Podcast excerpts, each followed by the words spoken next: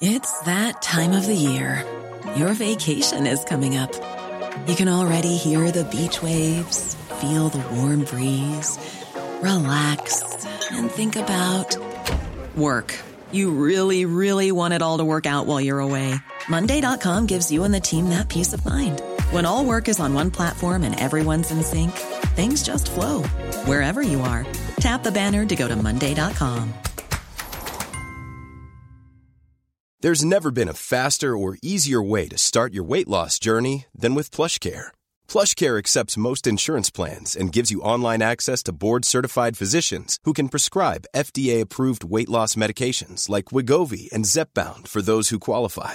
Take charge of your health and speak with a board-certified physician about a weight loss plan that's right for you. Get started today at plushcare.com slash weight loss. That's plushcare.com slash weight loss. plushcare.com slash weight loss.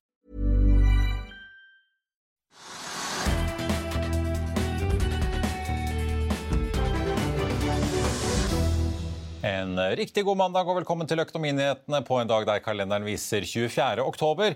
Noen av overskriftene i dag er at SalMar-sjefen Linda også går av etter bare noen måneder i jobben. Det er enighet om strømstøtte til bedriftene på Stortinget.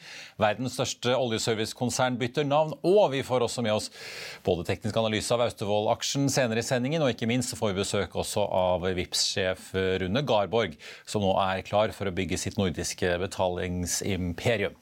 Men først la oss ta en titt på markedet akkurat nå. Hovedindeksen startet med å falle 1% på det meste litt tidligere i dag, men har hentet seg ganske så mye inn. Ligger nå og vaker eh, så vidt rundt eh, null etter da forrige, forrige ukes oppgang på 1,65 Der Jones-indeksen eh, på Wall Street ledet an en solid oppgang i det amerikanske markedet forrige uke, og da på tampen av uken, får vi si. Det var jo god oppgang både i starten av uken og slutten. Fredagen endte med en oppgang da på Dow Jones på 2,5% etterfulgt av SMP 500 opp 2,4 og Nasdaq da 2,3. Og regner vi da alt sammen, så blir det en oppgang på rundt 5% for uken.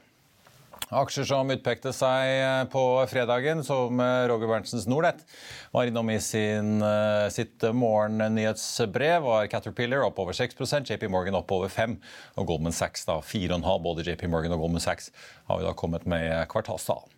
I Asia så endte Nikkei-indeksen så vidt i pluss i dag, 0,3. Langt verre gikk det for det kinesiske markedet. Hang Seng-indeksen i Hongkong endte ned 6,3% etter at partikongressen i Kina nå er avsluttet. De fleste har jo sett videoen av en tidligere kinesisk partileder bli geleidet ut av kongressen, samtidig da som det ikke har kommet noen nyheter om noen løfting eller fjerning av koronaregelverket.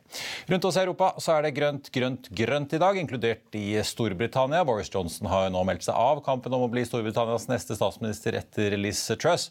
Dermed står kampen nå mellom Penny Mordent og Rishi Sunak.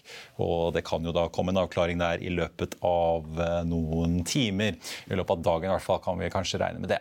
Futuresene på Wall Street de peker mot en videre oppgang der etter oppturen fredag. Og vi får også ta med at det er en rekke nyheter på olje- og gassfronten i dag. Litt senere får vi høre om navnebyttet til ingen ringere enn Slumberger.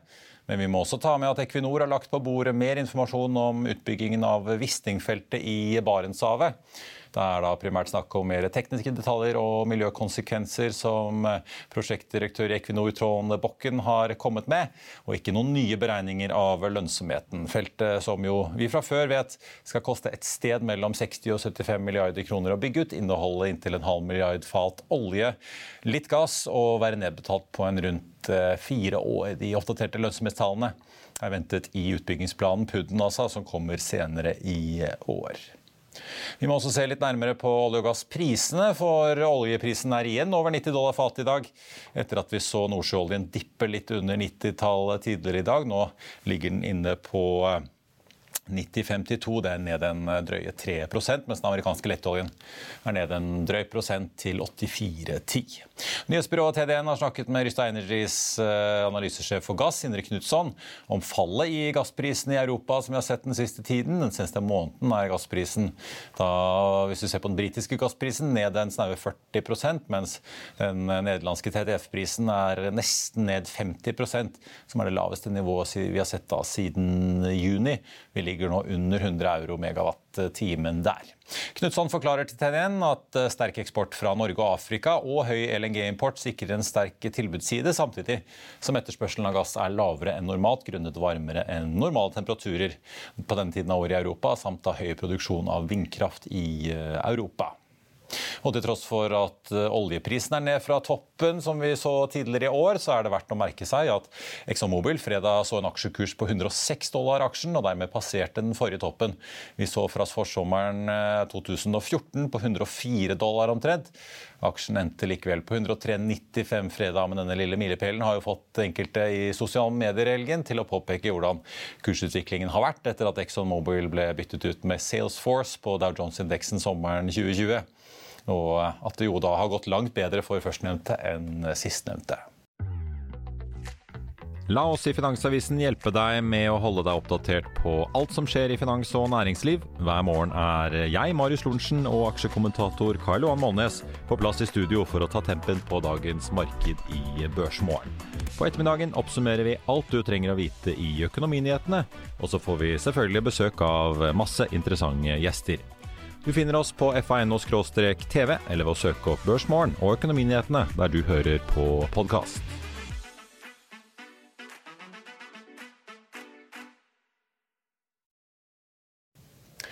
Da kom det en flaggermelding som mange har merket seg i dag. Petter Stordalen går inn i Atlantic Sapphire etter kursraset. Han er nå på bunnfiske i oppdrettsselskapet som driver på land i Florida, og flagger over 5 eh, eierandel etter å ha lastet opp 1,1 millioner aksjen. Kursen har i dag eh, stått rundt fem kroner blank på aksjen, som vil si at Stordalen altså har hostet opp rundt 5,5 millioner kroner for aksjene. Men kursen skyter opp langt over 10% og ligger eh, nå på 5,97, faktisk 25% opp etter flaggmeldingen. Han står dermed som eier av 7,9 eh, millioner aksjer, tilsvarende 5,14% av selskapet og det gjør han eh, til fjerde største aksjonær i selskapet. Strawberry Capital-sjef Kenneth Jarl Andersen sier at de ikke kommenterer enkeltinvesteringer, sier han til FA. Så må vi til eh, holdt jeg på å si, oppdrett i sjø. SalMar eh, annonserte i morges at altså nok en toppleder i konsernet går av. Sist var det finansdirektøren, og denne gangen er det selveste konsernsjefen. Linda Aase er nå ute, og det skjer etter at hun så sent som 1.3 altså ble annonsert som ny sjef i det som jo er en av de største aktørene i bransjen. På morgenen i dag skriver SalMar at styreleder Gustav Witzøe kunngjør at Frode Arntzen er eh, utnevnt til konsernsjef i SalMar, etter at Linda også har meddelt til styret at hun ønsker å fratre stillingen som konsernsjef. Det er jo ikke så lenge siden eh, finansdirektør Gunnar Nilsen meldte at han takker for seg. Han ble annonsert som ny finansdirektør så sent som 2.2 i år. Og Arntzen, den nye konsernsjefen, har vært en del av SalMar siden 2017 som konserndirektør, nå senest for salg og industri. og han har vært i næringen siden 2000, påpeker SalMar, og hatt da ulike lederroller i næringen. Det har vært en tøff kursutvikling for SalMar-aksjonærene, inkludert av storaksjonær Witzøe selv dette året. SalMar startet jo i januar på drøye 600 kroner og var oppe i 770 før uh, sommeren. Og så så vi jo da et kursnivå på rundt 5,45 før den famøse lakseskattepakken ble slengt på bordet på Blåfarveverket nå i uh, høst. Og aksjen har nå sust enda lenger ned mot 300-nivå. I skrivende stund er den ned 2,2% til 3,0860. Dermed er jo mye av milliardene i markedsverdi barbert bort. Sjømatindeksen på Oslo Børs i dag er for øvrig ned 1 omtrent. Kristoffer Moe Dege i Pareto Securities tar opp dekning av Jon Fredriksens Nogram Drilling, som jo ble børsnotert for ikke så lenge siden. Han eh, ligger inne nå med en kjøpsanbefaling og et kursmål på 40 Nei, på 56 kroner aksjen, unnskyld. Det er da 40% over kursen i dag. Aksjen er opp hele 8,5 i dag og ligger nå så vidt over 50-lappen. I forrige uke arrangerte vi Finansavisen Investordagen, og vi skal se en del av seansen der investor Øystein Strassbetalen, Trygve Hegnar og investor Harald Moreus Hansen møttes til diskusjon. Og Spetalen forklarte hvorfor man bør være langsiktig i aksjemarkedet, ikke i enkeltaksjer. Bare se her. Jeg sitter og hører på mange av de analytikerne som er her, og så sitter jeg og ser hva de tenker og tror. Hele aksjemarkedet er boom and bust. All teori i aksjemarkedet er boom og bust. Og Det gjelder alt sammen å komme, Alt er pengeflytt. Hvor går pengene inn, hvor går pengene ut? Hvor mer penger som er inne i en boble, hvor farligere er boblen. Hvor mindre penger som er i en boble, hvor mer interessant er boblen. For du tjener kun penger i aksjemarkedet på at andre gjør feil. De kjøper aksjer for dyrt eller selger deg for billig. Og du kan holde på med i aksjer. Det har jeg ingen tro på. Jeg skal fortelle deg en Trygve. På 70-tallet, som min store helt, det var Trygve Heggen av Kapital. Fattern abonnerte på det bladet, og jeg begynte å lese det. Jeg leste aldri en bok før jeg var 25 år. Altså, Norsktime på skolen var helt grusomme. Men Kapital det var ganske interessant å lese. Der var det mulig faktisk å tjene noe penger. Jeg jobbet da i et supermarked, og da tjente jeg 7 kroner og 50 øre i timen. Og så var det en artikkel der hvor Norsk Hydro at den var billig. Da var jeg 14 år gammel. Da tjente jeg 7,50 i timen. Så kjøpte jeg eh, fem aksjer i Hydro, og de steg 100 kroner.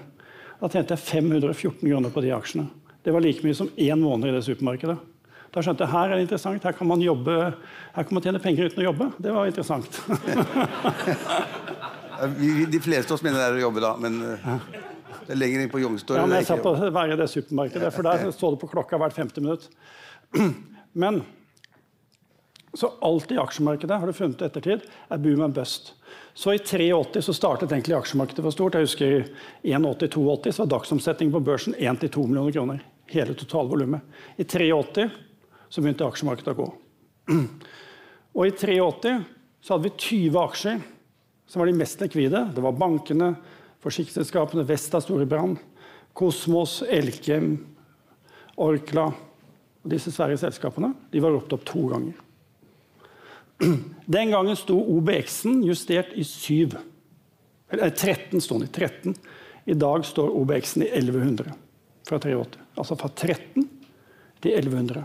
Men hvis man kjøpte disse, disse 20 aksjene I 15 av de mistet man alle pengene sine. De 30 årene. Alle pengene var vekk i bankene. Alle pengene gikk vekk i Storebrand. Og Storebrand gikk konk. vet du. Mm. Elkem gikk konk. Alt gikk konk, bortsett fra fem aksjer overlevde. Norske Skog gikk konk. Altså, bortsett fra fem aksjer. Så langsiktig i aksjemarkedet det er et game til å ta på alt. For i aksjemarkedet er allting forandring, forandring. Nytt, nytt hele kort, tiden. Kort, kort, kort. Tynne døra. Ja, det, nei, det er ikke det. Det er forandring. Du må være langsiktig i aksjemarkedet, men ikke i aksjen. aksjene. Noen aksjer kan du sitte på, men til slutt så blir alt sammen Remington skrivemaskiner. Det går i null til slutt. Teknologien tar det. Da skal vi til eh, dagens gjest og snakke om mobilbetaling. Vips kan nemlig markere to milepæler om dagen. I helgen ble det satt ny TV-aksjonrekord. 260 millioner kroner ble hentet inn fra Ola Kari Nordmann, hvorav 117 kom via vips systemet Til Legger uten grenser, altså, som jo er en hyggelig nyhet. Men det var også får vi si, litt fest og konfetti på kontoret hos Vips nede i Bjørvika på fredag. For EU-kommisjonen har nå gitt grønt lys for fusjonen mellom eh, Vips og danske Mobile Pay under Garborg. Får vi si nå konsernsjef i Vips har jeg nesten lyst til å kalle deg, for nå blir du sjefen for hele dette hva skal vi si, pan-nordiske betalingsselskapet. Jeg si leder i Vips. Eh, ja. og det, er, eh, det, er det er sånn ung og dynamisk bedrift, dette, så dere vil ikke ha sånne gammeldagse titler? Det er i hvert fall eh, herlig å kunne si at vi nå endelig da, er et nordisk selskap. Og det at vi nå har samlet de to sterkeste merkevarene i Norden og nå får 11 millioner brukere da, i Finland, Danmark og Norge, det er en uh, viktig og stor milepæl for, uh, for, oss. Det har jo skjedd ganske mye. Du har jo vært med i Vipps helt siden starten da DNB-sjef den gangen, Rune Bjerke, ga deg eh, grønt lys for å få ordentlig fart på dette her, tror jeg fortere enn noen bank har laget noe nytt før. Mm. I hvert fall i, i, vår del av verden. Så var det konkurranse med MobilePay her hjemme. Det ble etter hvert slått sammen. Ja. Eh, nå slår dere sammen med MobilePay da i Danmark, eh, Swish i Sverige, foreløpig på sidelinjen. Og så skulle dere egentlig også fått med finske Pivo i dette her, men det sa EU nei til. EU sa nei til det i Finland. Eh, de vurderte konkurransesituasjonen sånn der borte at vi ikke kunne få med både Pivo og MobilePay med på fusjonen. Hva gjør det med planene deres? Nå har dere jo tross alt holdt på å planlegge dette her i halvannet år. Plutselig får dere ikke med én av, en av aktørene i ekteskapet? Heldigvis så er vi fremdeles veldig veldig store i, i Finland. MobilePay har over to millioner brukere. Eh, Pivo hadde ca. en million, så posisjonen vår i Finland er fremdeles sterk. Og vi skal bygge en posisjon i Finland som er like sterk som den er i Danmark og i Norge. Så Totalt sett som sagt 11 millioner. Eh, og så blir det jo viktig å få Finland eh, på eh, samme antall brukere som i det danske og norske markedet i løpet av ganske kort tid. Ja, for bare i Norge har du over 4 millioner brukere av en befolkning på hva da, 5,5, så det er jo nesten ingen som ikke har appen installert. 4,3 millioner, og vi ser jo også nå en betydelig vekst i segmentet 70 pluss. Så for alle praktiske formål så vil de aller fleste voksne nordmenn nå bruke VIPS. Men fortell litt, altså Hva skal dette selskapet være? Dere det er jo ikke så lenge siden dere fusjonerte inn BankID og BankAksept. Dere ble jo i hvert fall i Norge en slags nesten sånn totalleverandør. Alt fra betalingssystem til identifikasjon til eh, lommebok. Nå i tredje kvartal skjønner jeg at BankID og BankAksept har blitt fusjonert ut. Ja. Og da fortsatt skal eies av eh, de norske bankene, som ja. også er storaksjonær hos eh, dere. Hva gjenstår av dette nye nordiske VIPS? Nei, Dette blir jo en lommebok eh, som får et helt annet vekstgrunnlag med 11 millioner brukere. og Det har vært viktig for oss å etablere en plattform eh, som baserer seg på en mye større brukermasse, som gjør deg i stand til å investere mye mer også i forenklinger i markedet. Vi konkurrerer jo mot de store internasjonale gigantene. Eh, vi konkurrerer mot Apple, vi konkurrerer mot PayPal, vi konkurrerer mot Klarna. Og For oss da så har det vært viktig å ta en mer aggressiv utfordrerrolle eh, og komme opp i et så stort antall som 11 millioner brukere. Ja, for Dere er jo liksom mer en plattform enn en infrastruktureier som sådan, i og med at Bank, bank Aksept ja. eh, ramlet ut. Ja, det er falt stolen leget. Ja. Nei, og eh, de norske eierne eh, ville jo eh, beholde eh, BankAksept og BankID med den norske eierstrukturen, så, så, sånn sett så var resultatet av det gitt. Eh, og så får vi da eh, gjennom fusjonen et, et bredt nordisk samarbeid, hvor Danske Bank også kommer inn på eiersiden. De norske eierne har jo da 72,2% eierandel. Men dette gir oss jo et betydelig vekstgrunnlag, også gjennom den distribusjonskapasiteten det gir oss på, på nordisk basis. Men er det med sånn inntjeningsmessig fremover er, ligger verdien i den kundekontakten egentlig at den uh, virksomheten som Bank Aksepter Bank i det har, ja, det er en stor virksomhet med inntekter, men det er på en måte i fremtiden en, en lavmargin på en måte utility business, hvis du kan bruke et godt norsk ord? Jeg, jeg tror sånn som ID-området for kommer til å være en enorm, eh, et enormt vekstområde framover. Uh, og der ligger det jo utviklingsmuligheter og, og planer på ID-området som jeg tror vi skal følge med veldig stor begeistring framover. Kommer til å skje mye spennende der. Når det gjelder på eh, mobilbetaling, eh, så skjer det jo også enormt mye. Det viktigste for oss er å ta et klart eh, strategisk eierskap til det som ligger på eh, netthandelsbiten. Netthandel kommer til å være det viktigste. Det er der veksten er størst. I fjor så var jo veksten på netthandel over 100% i VIPS. Eh, og, og, vi ser også en betydelig vekst i år, selv om markedet da er fallende på, på, netthandel. Men det er der det største strategiske potensialet ligger. Der er det større marginer, og der er det et betydelig potensial også for å merselge med flere produkter og tjenester. Ja, for da måler du antall transaksjoner eh, når du sier en dobling? Ja. Ja, og da får dere betalt av butikken? som driver da får vi betalt av butikkene, og vi har jo eh, relativt lave snittinntekter på disse transaksjonene. Men nå snakker vi om at tre millioner nordmenn bruker VIPS netthandel eh, per måned. Så veksten her har jo vært enorm, og, og det bidrar jo selvfølgelig også sterkt på topplinjen. Men i tillegg til det her så kommer jo da selvfølgelig andre produkter og tjenester de ønsker eh, å tilby i forbindelse med netthandel, som f.eks. Vips senere, som vi håper å kunne lansere om ikke altfor lang tid. Ja, da, ja, for du gjør som Apple, eh, de kommer også med utsatt uh, betaling nå? De kommer med utsatt betaling, og man ser det at Apple Klarna har jo det samme. Klarna har det, og, og, alle aktørene ønsker å bruke disse kundedataene til å også tilby det. Og så har det vært et sterkt ønske fra våre kunder også om at vi må komme med en Vips senere-løsning, så vi håper at det kan treffe treffe markedet om ikke altfor lang tid. Men eh, litt apropos eh, det, Hva ser dere skje i, i, hos konsumentene og husholdningene, da, som jo tross alt rentene øker ganske kraftig, energiprisene er høye, strømregningen svir jo veldig for mange. Strammer folk inn nå? Hva, liksom, hva slags tall ser dere for julehandelen og høsthandelen og utover? Vi har jo en betydelig vekst i VIPS også i år. på et sånn volummessig på netthandel på en, eh, en 40 eh, Men sammenligner vi med fjoråret, så er det jo ingen tvil om at vi ser at en del sektorer og bransjer går ned eh, i forhold til hva som var tilfellet i fjor. Så, så det er en, en, dårligere utvikling på netthandelsområdet, og det forventer vi at kommer til å, å, pågå en periode. Det som er interessant å se, det er jo tilførselen av antall bedrifter nå. Det er på historisk høyt nivå. Er det, Hvor er det folk strammer inn? Er det liksom Nei, Det er på mange ulike områder. Eh, altså Varehandel på nett. Det er jo primært der vi ser nedgangen. Eh, hvis du ser områder som er på en måte sånn daglig konsumerende som eh, transport osv., så, så er det få eh, bevegelser. Men det går mer på varehandel eh, på nett av ulike produkter, enten det er klær eller andre områder. Så ser man en, en betydelig nedgang. Men bedriftene blir jo enda mer opptatt av å lage enkle løsninger for brukerne sine. Så tilgangen til nye bedrifter er på et uh, historisk høyt nivå. For Det var jo et rush under pandemien. Da var det mange som fant ut at uh, ikke bare måtte de få bedre nettbutikken, men vi fant ut at oi, vi har jo ikke noen nettbutikk, så vi må begynne å Etter, eh, det, var, det, var, et stort rush under pandemien. og Det gikk jo fra i 2020, hvor vi hadde vel en ca. 3000 nettbutikker, til at vi i dag er oppe på uh, røftlig 15 000. Men vi ser høy, historisk høye innganger nå, faktisk på nye bedrifter som ønsker enkle betalingsløsninger. Ja. Rett og slett, eh, ja, Konkurransen og kravene fra kundene er blitt uh, tøffere? Enda tøffere. og Er det noe man vil sikre seg, så er det i hvert fall at man gjør ting enkelt nok når markedet blir så tøft som det er nå.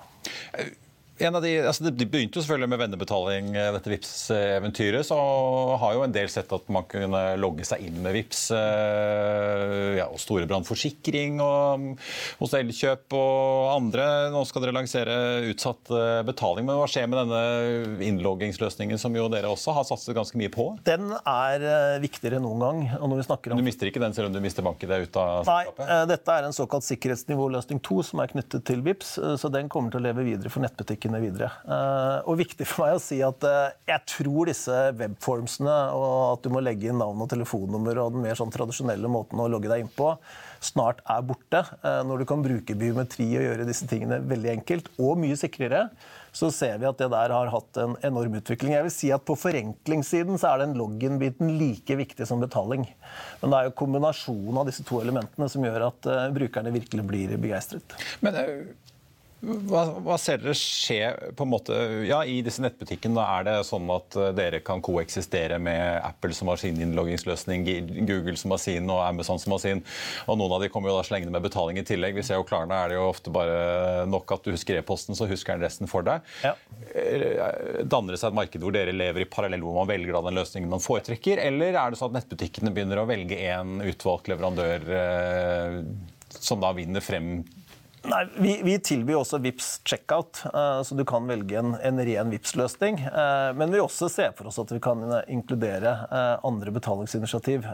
men på de aller fleste flatene så er dette en kamp mellom merkevarene i forhold til å ha forbrukerens gunst. Ja, men altså Når jeg da sjekker ut eller skal eh, legge noe i handlekurven hos Elkjøp, da, vil ja. jeg også i fremtiden tror du få alternativer mellom Vips, Klarna og ja. Ja. Apple f.eks.? Ja, okay. Eller vil det etter hvert koke ned til at en, av dere tre vinner frem? Nei, det er bedriftene kommer til å velge å ha flere løsninger. De fleste virksomhetene kommer til å velge å ha flere løsninger. Eh, dette er jo en konkurranse i to dimensjoner. Det ene er at du må være den mest attraktive overfor bedriftene. Eh, men de ønsker selvfølgelig en, en bredest mulig og best mulig konkurranse og de beste produktene og tjenestene ut til sine sluttbrukere.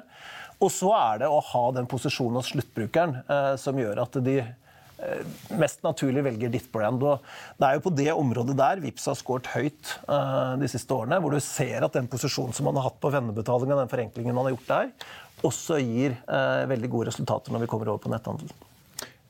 Trenger du en kapitalpartner for å funde dette her utsatt betaling, eller hvordan gjør dere det? Jeg vet jo Apple blant annet bruker vel Goldman Sachs for å få sin kortløsning ja. til å fungere? Vi kommer nok til å eh, bruke våre egne eiere på, den, eh, på, det området her. og nå er det jo for Vips sin del nå... Skal ikke ha disse betalingene på de balansene? Nei, og det er ikke Nei. forbruksfinansiering vi skal drive med nå. Nå skal vi kun utsatte betaling i 14-30 dager, så det er det produktet vi skal ha. Og vi er opptatt av at det produktet her dekker et behov som kundene nå har vært tydelige på at de, de trenger å få dekket. Så i, i, praksis så handler det veldig ofte om at du vil ta en vare hjem, prøve den før du betaler den. Eh, og da er en betalingsutsettelse på la oss si to til fire uker det som kunden ønsker seg. Si litt om, om geografien fremover. I Finland åpenbart, der må du jo kjempe organisk. Du kan ikke kjøpe deg større, så der må du rett og slett da utkonkurrere Pivo hvis du skal bli enerådende mot de utenlandske, ikke-nordiske konkurrentene. Eh, hva med Sverige, da? Er det noe eh, fremdrift i dialogen med svenske Swish? Vi håper jo veldig eh, at svenskene også ønsker å være med på det her. Vi trenger jo nordiske betalingsløsninger som går på tvers av landet. Det kommer vi nok til å få uansett, for det må snart komme dit nå at vi kan betale enkelt mellom land eh, i Norden.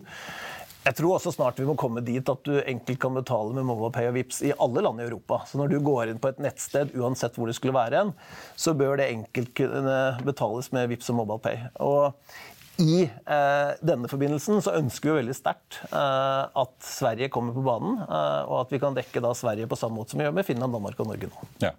Men uh, de trenger litt dytt av gjerdet kanskje der borte Vi, i håper, Stockholm? vi håper stadig på at vi skal finne en, en god samarbeidsløsning der.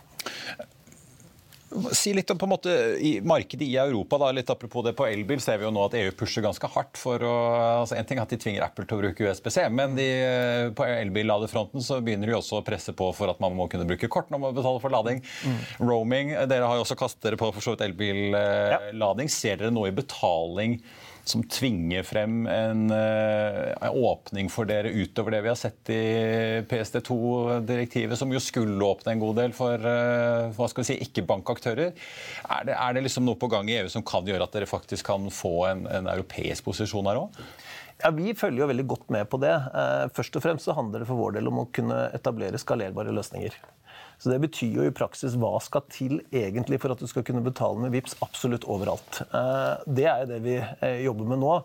I Norge og Norden så har man hatt unike løsninger gjennom at man har én felles ID-løsning. Man har jo hatt BankID i Norge som har gjort det enkelt da å bli vips bruker uavhengig av hvilken bank du har. Det å ha en så sterk ID, nasjonal ID-løsning, det er ganske sjelden. Så det vi leter etter da, det er andre muligheter for å skalere løsningen og gjøre det enkelt for brukere i andre land også å ta i bruk VIPS. Mm. Uh, og så er jo det det store spørsmålet hvordan får vi til den skalerbarheten. Vi ser de mulighetene, og vi tror at EU-reguleringen i større og større grad bidrar til at du kan konkurrere på tvers mellom land. Uh, og gjennomgående sørge for uh, sterkere konkurranse. Men Kan dere bruke dette PSD2-direktivet som jo litt enkelt sagt teorien skal gjøre at jeg kan la hvem som helst utføre betalinger og få tilgang til mine kontoer på mine vegne? da, typ Hvis jeg skulle ønske at Facebook kunne godkjenne e-fakturaer, så i teorien så skal det være mulig. Er, åpner det Absolutt. for at dere kan faktisk begynne med betalinger, ikke bare mellom Norge og Sverige etter hvert, men også Hvis, Norge og Frankrike? Og... Det å ha én felles betalingsinfrastruktur, det å ha løsninger som fungerer beta på betaling i alle markeder, eh, det legger til rette for det. Og så må vi i tillegg til finne gode løsninger på identifiseringssiden, eh, sånn at vi raskt da kan eh, verifisere kundene og få dem om bord på plattformen. Men har dere fokus om å innta på en måte Europa, eller er det Norden som er fokuset? Jeg husker jo, Du hyret jo inn Berit Svendsen, tidligere Telenor-Norge-sjef, eh, som jo ble sjef for den internasjonale satsingen og skulle nettopp sondere markedet for om dere enten kunne selge inn VIP som sådan eller teknologien dere sitter på? Det viktigste for oss nå det er å ta den sterke posisjonen i Norden, og spesielt på netthandel. Eh, vi har lovet bedriftene ett integrasjonspunkt i Norden. Vi skal gjøre det enkelt for bedriftene. Det kommer til å gjøre oss enda mer attraktive også for sluttbrukerne, gjennom at vi er tilgjengelige overalt med enkle løsninger. I tillegg til det så ser vi jo etter skalerbare løsninger både i Norden og internasjonalt. Og når du spør om den, det europeiske, da, så handler det egentlig om om hvis du finner den nøkkelen, hvis du finner den switchen som gjør at du enkelt og raskt kommer til å skalere, så tror jeg interessen kommer til å være skyhøy i forhold til at vi skal lykkes med det.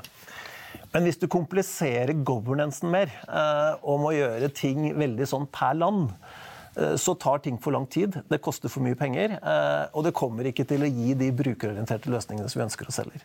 Så svaret er ja, hvis vi finner switchen, hvis vi klarer å få disse forenklingene til å skalere, så kommer vi til å gå også utenfor Norden. Og det tror vi selvfølgelig at vi skal få til. Og du er villig til å selge holdt jeg på å si, VIPS uten VIPS-navnet til HSBC eller Credit Agricole og deres kunder? Nei, vi er villige til å, å, å samarbeide med ulike aktører. Men eh, det viktigste nå som sagt, det er å finne de skalerbare løsningene i markedet markedet eh, som ikke innbefatter mer kompliserende governance.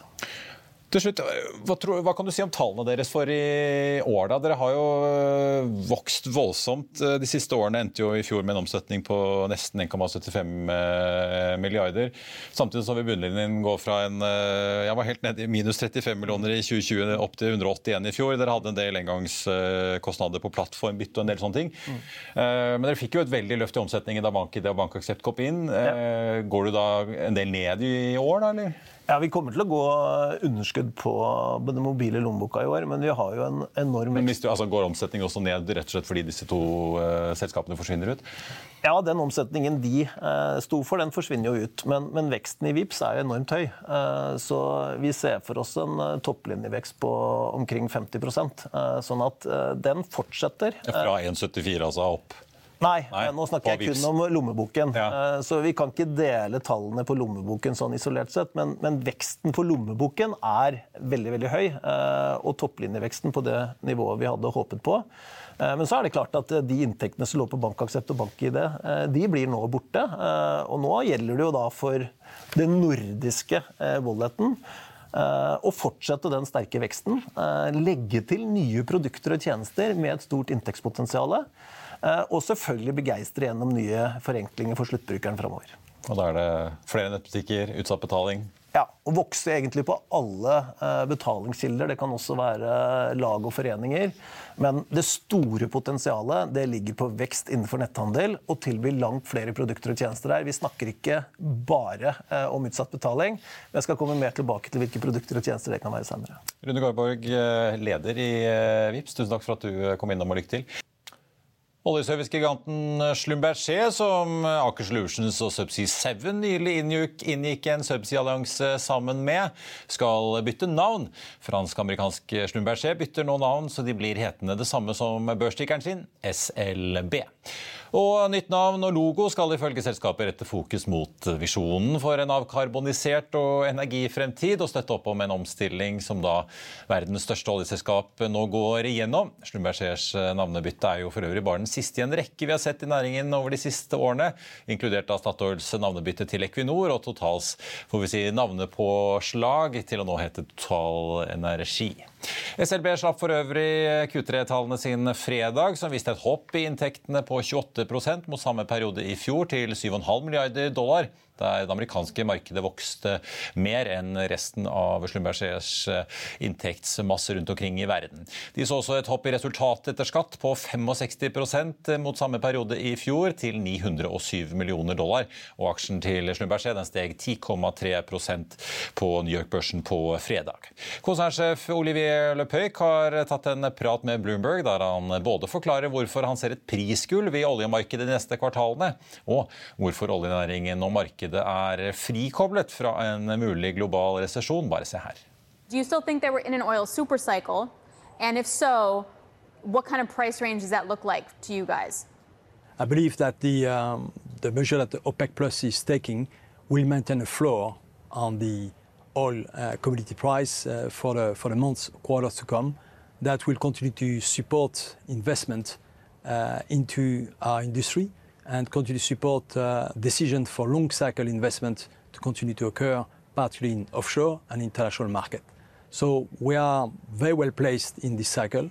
What happens if we enter a global recession? We believe that the investment cycle that the upstream industry is currently facing and executing is, uh, is decoupled from uh, some of the uncertainty and some of the, dem- the demand setback that could happen if a, a, a recession or regional recession or some recession risk were to, were to be elevated. Uh, so, and we say that because uh, there are several factors that are converging.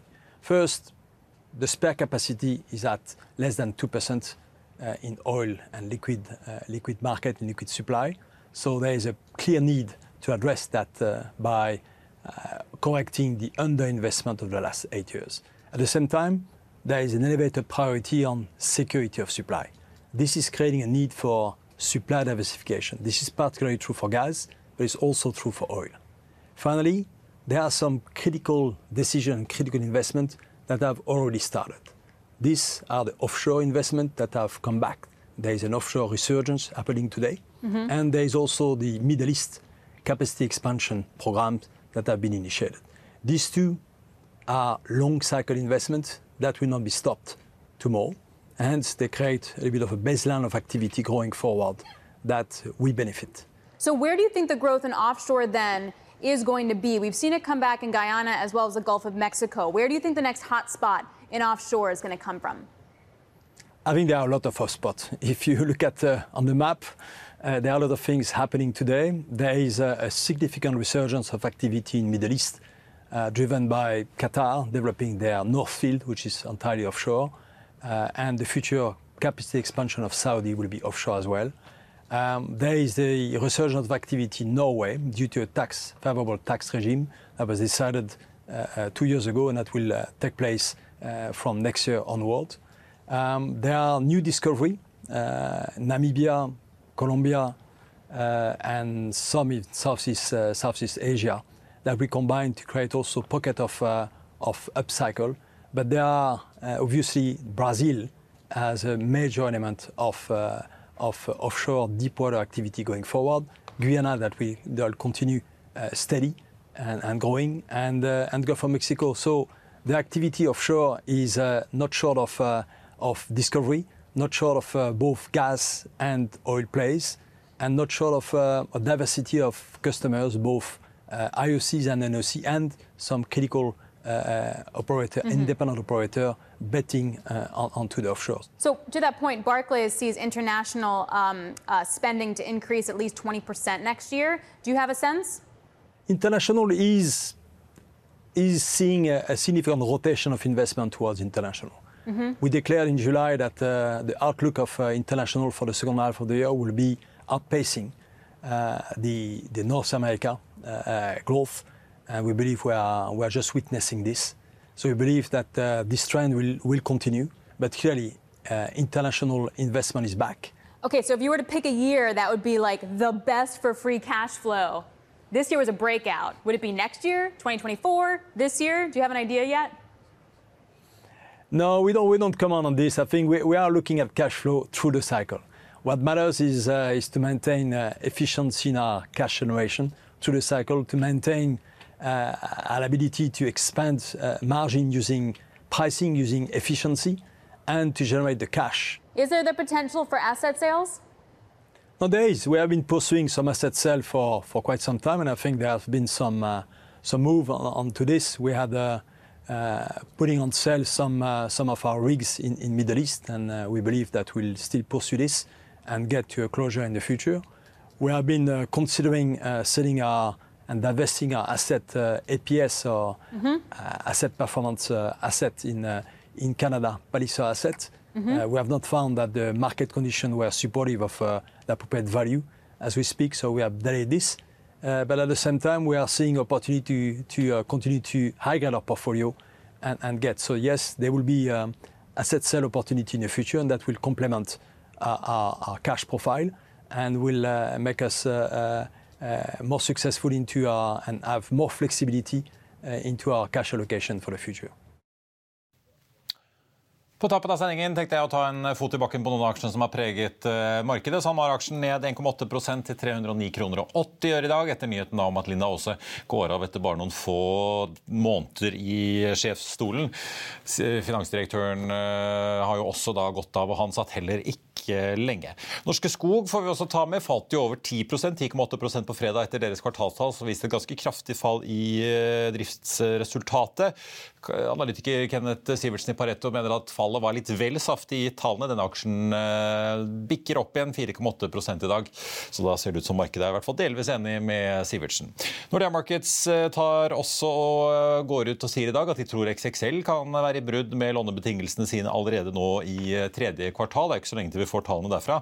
Spår en emisjon på inntil en milliard kroner. XSL har jo begynt å betale en del utbytter, så får vi jo se hva selskapet vil gjøre. Den aksjen er uansett ned da 2,1 i dag til 4 kroner og 10 øre.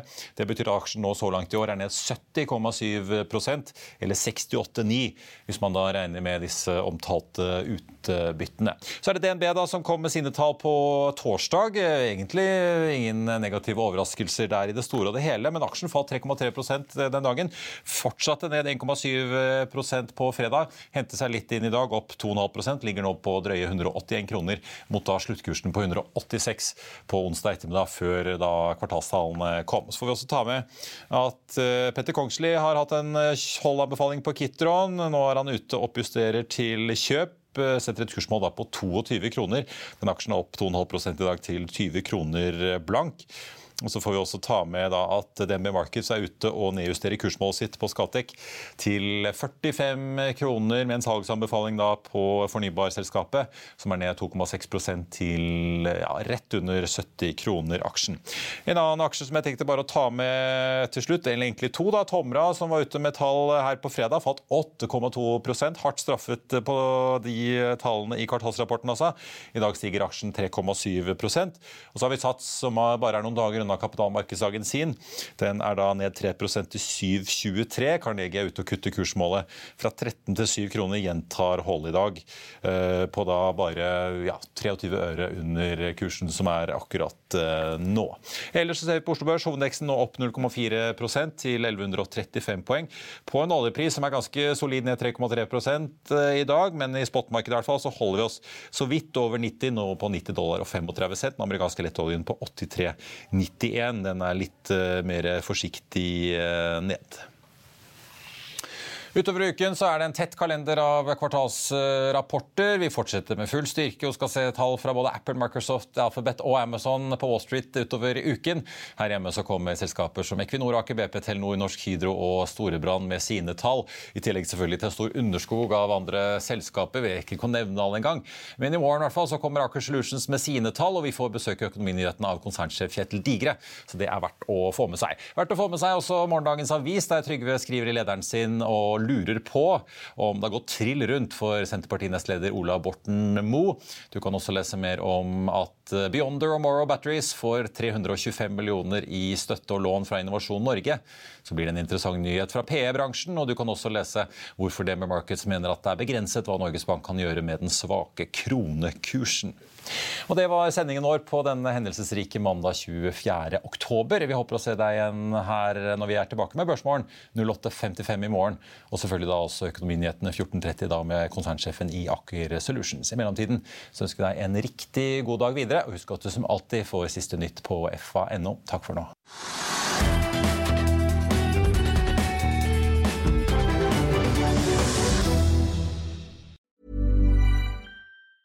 Planning for your next trip? Elevate your travel style with Quince. Quince has all the jet setting essentials you'll want for your next getaway, like European linen, premium luggage options, buttery soft Italian leather bags, and so much more. And it's all priced at 50 to 80% less than similar brands. Plus, Quince only works with factories that use safe and ethical manufacturing practices. Pack your bags with high-quality essentials you'll be wearing for vacations to come with Quince. Go to quince.com slash trip for free shipping and 365-day returns.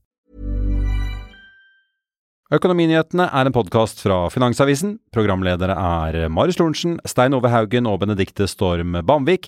Produsenter er Lars Brenden Skram og Bashar Johar. Og ansvarlig redaktør er Trygve Hegnar.